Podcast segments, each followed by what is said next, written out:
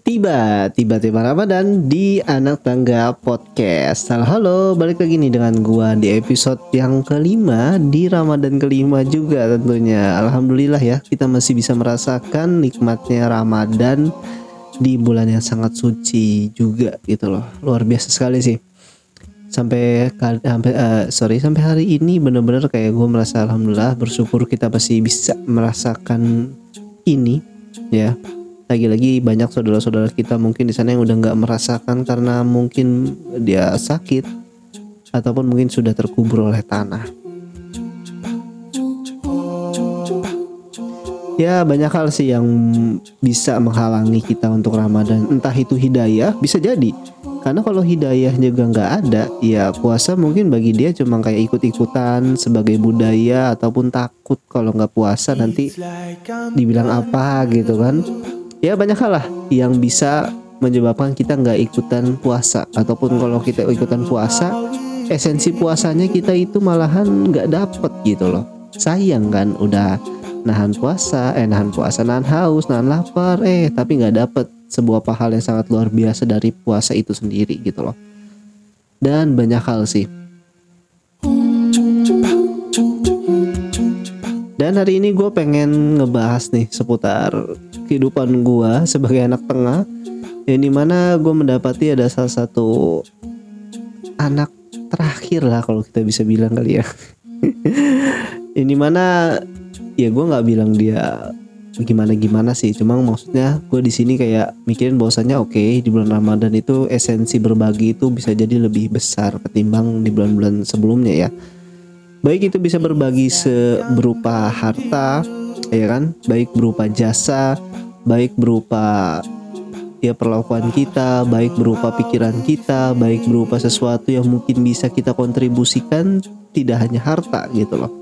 Dan banyak hal yang bisa kita jadikan itu sebagai sedekah ataupun berbagi ya dengan sesama. Dan pada akhirnya kesimpulannya adalah apakah kita harus berbagi pada saat kita punya. Di sini esensinya adalah berbagi untuk yang mempunyai harta ya ataupun ya mempunyai let's say makanan, let's say uang dan lain sebagainya.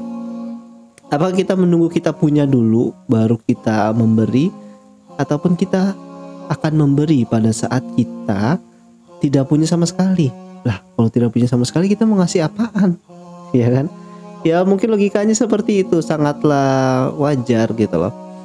Tapi gue pastikan gue pernah mendengar salah satu ustadz yang mengatakan bahwa saya gini sebenarnya di Al-Quran itu tidak ada orang miskin. Ya jadi orang yang menganggap dia itu miskin itu adalah salah sebenarnya karena di Al-Quran nggak ada orang yang miskin.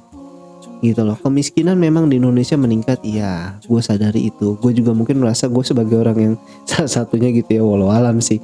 Cuma insya Allah gue uh, selalu kayak kayak mental kayak hati kayak senyum kayak kayak yang lain semuanya. Kayak artis mungkin bisa jadi. Nah jadi miskin itu apa sih? Sebenarnya di Al-Quran itu nggak ada kata miskin. Yang ada tuh cuma satu berkecukupan. Ya. Ya let's say coba lu lihatlah uh, problematika ataupun masyarakat di sekitaran sana.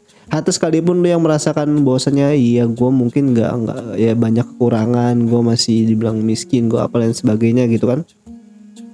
Tapi ya lu masih ngerasain berkecukupan di hari itu mungkin makan ataupun di hari itu lu masih mungkin nggak sakit ya gak ya coba aja bayangin kalau ada yang di mana lu udah nggak punya apa-apa sama Allah dikasih cobaan sakit pula sama Allah dikasih cobaan apa sampai bener-bener lu wah gila gue udah nggak punya apa-apa nih gitu loh.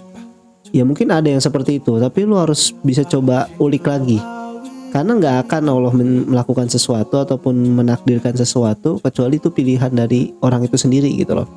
Ya tidak ada Allah tidak akan mengubah suatu kaum selagi kaum itu tidak mengubahnya sendiri gitu loh ya mungkin ada yang seperti itu gitu. Cuma yang gue pikir bahwasanya ya kita bersyukur mau kita punya ataupun nggak punya ya kita sebenarnya berkecukupan cuy.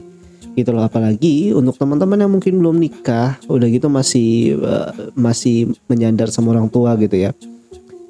Ya lu makan masih alhamdulillah. Walaupun mungkin ada berbagi sama adik-adik lu sama kakak-kakak lu tapi setidaknya lu masih bisa makan di situ di hari itu ataupun lu yang tinggal sendiri mungkin sama lu dikasih pertolongan di masjid ini ternyata ada bukaan ya kan?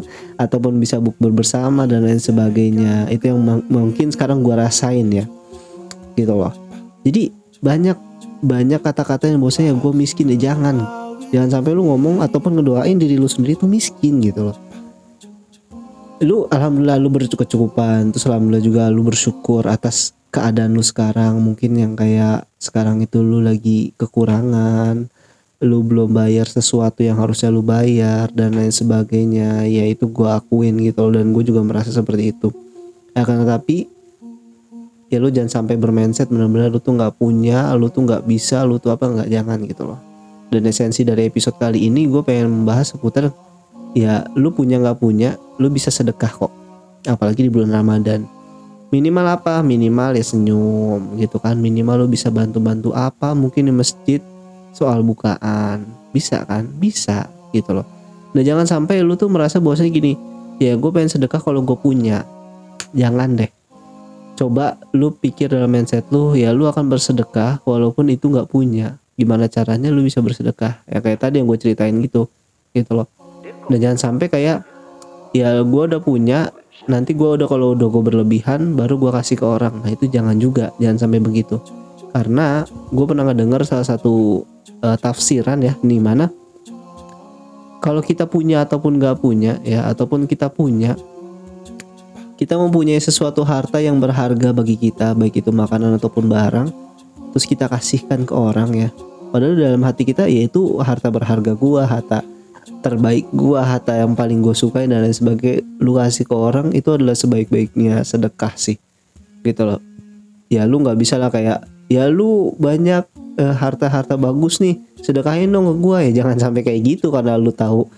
Kayak gitu gitu kan terus lu ngajak orang untuk sedekah lu gitu loh. Eh, jangan sampai begitu. Gitu loh. Jadi ya lu harus tanamkan dalam diri lu sendiri dulu nih. Kalau emang gue punya sesuatu yang berharga mungkin kecil mungkin sedikit ya lu berbagilah sama orang. Gitu loh.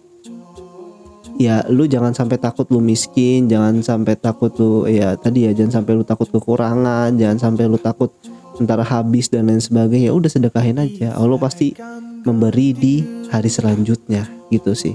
Kalau gue uh, ditanamkan dari dulu mindsetnya. Jadi by the way masalah memberi atau diberi di bulan Ramadan ini cobalah memperbanyak memberi gitu loh. Jangan sampai kita malahan member, diberi terus pengennya diberi terus ya kan? Mungkin ada beberapa masyarakat yang gue lihat gitu kan yang di mana di bulan Ramadan ini malahan dia bawa karung banyak dan duduk di pinggir jalan. Ya ini moga aja nggak sampai ke lulu pada yang dengerin podcast ini ya. Tapi itu relate sih banyak teman-teman gue yang kayak gitu ya karena mungkin memang notabene mungkin memang lingkungannya dan lain sebagainya ya uh, ya lu kapan memberinya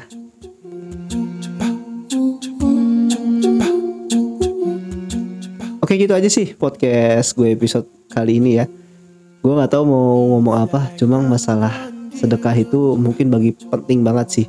Apalagi di Ramadan. Gue juga banyak muasabah diri juga jadinya akhirnya pada saat podcast ini ya gue berpikir apa yang gue beri sama orang gitu loh.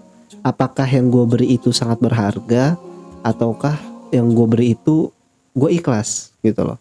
Karena ikhlas juga menjadi esensi nih untuk lo memberi. Jangan sampai lo memberi pengennya diri ya ya kan kayak episode sebelumnya. Ataupun lo beri pengen diakuin ya itu bisa jadi lo kecewa sih nantinya. Gitu sih.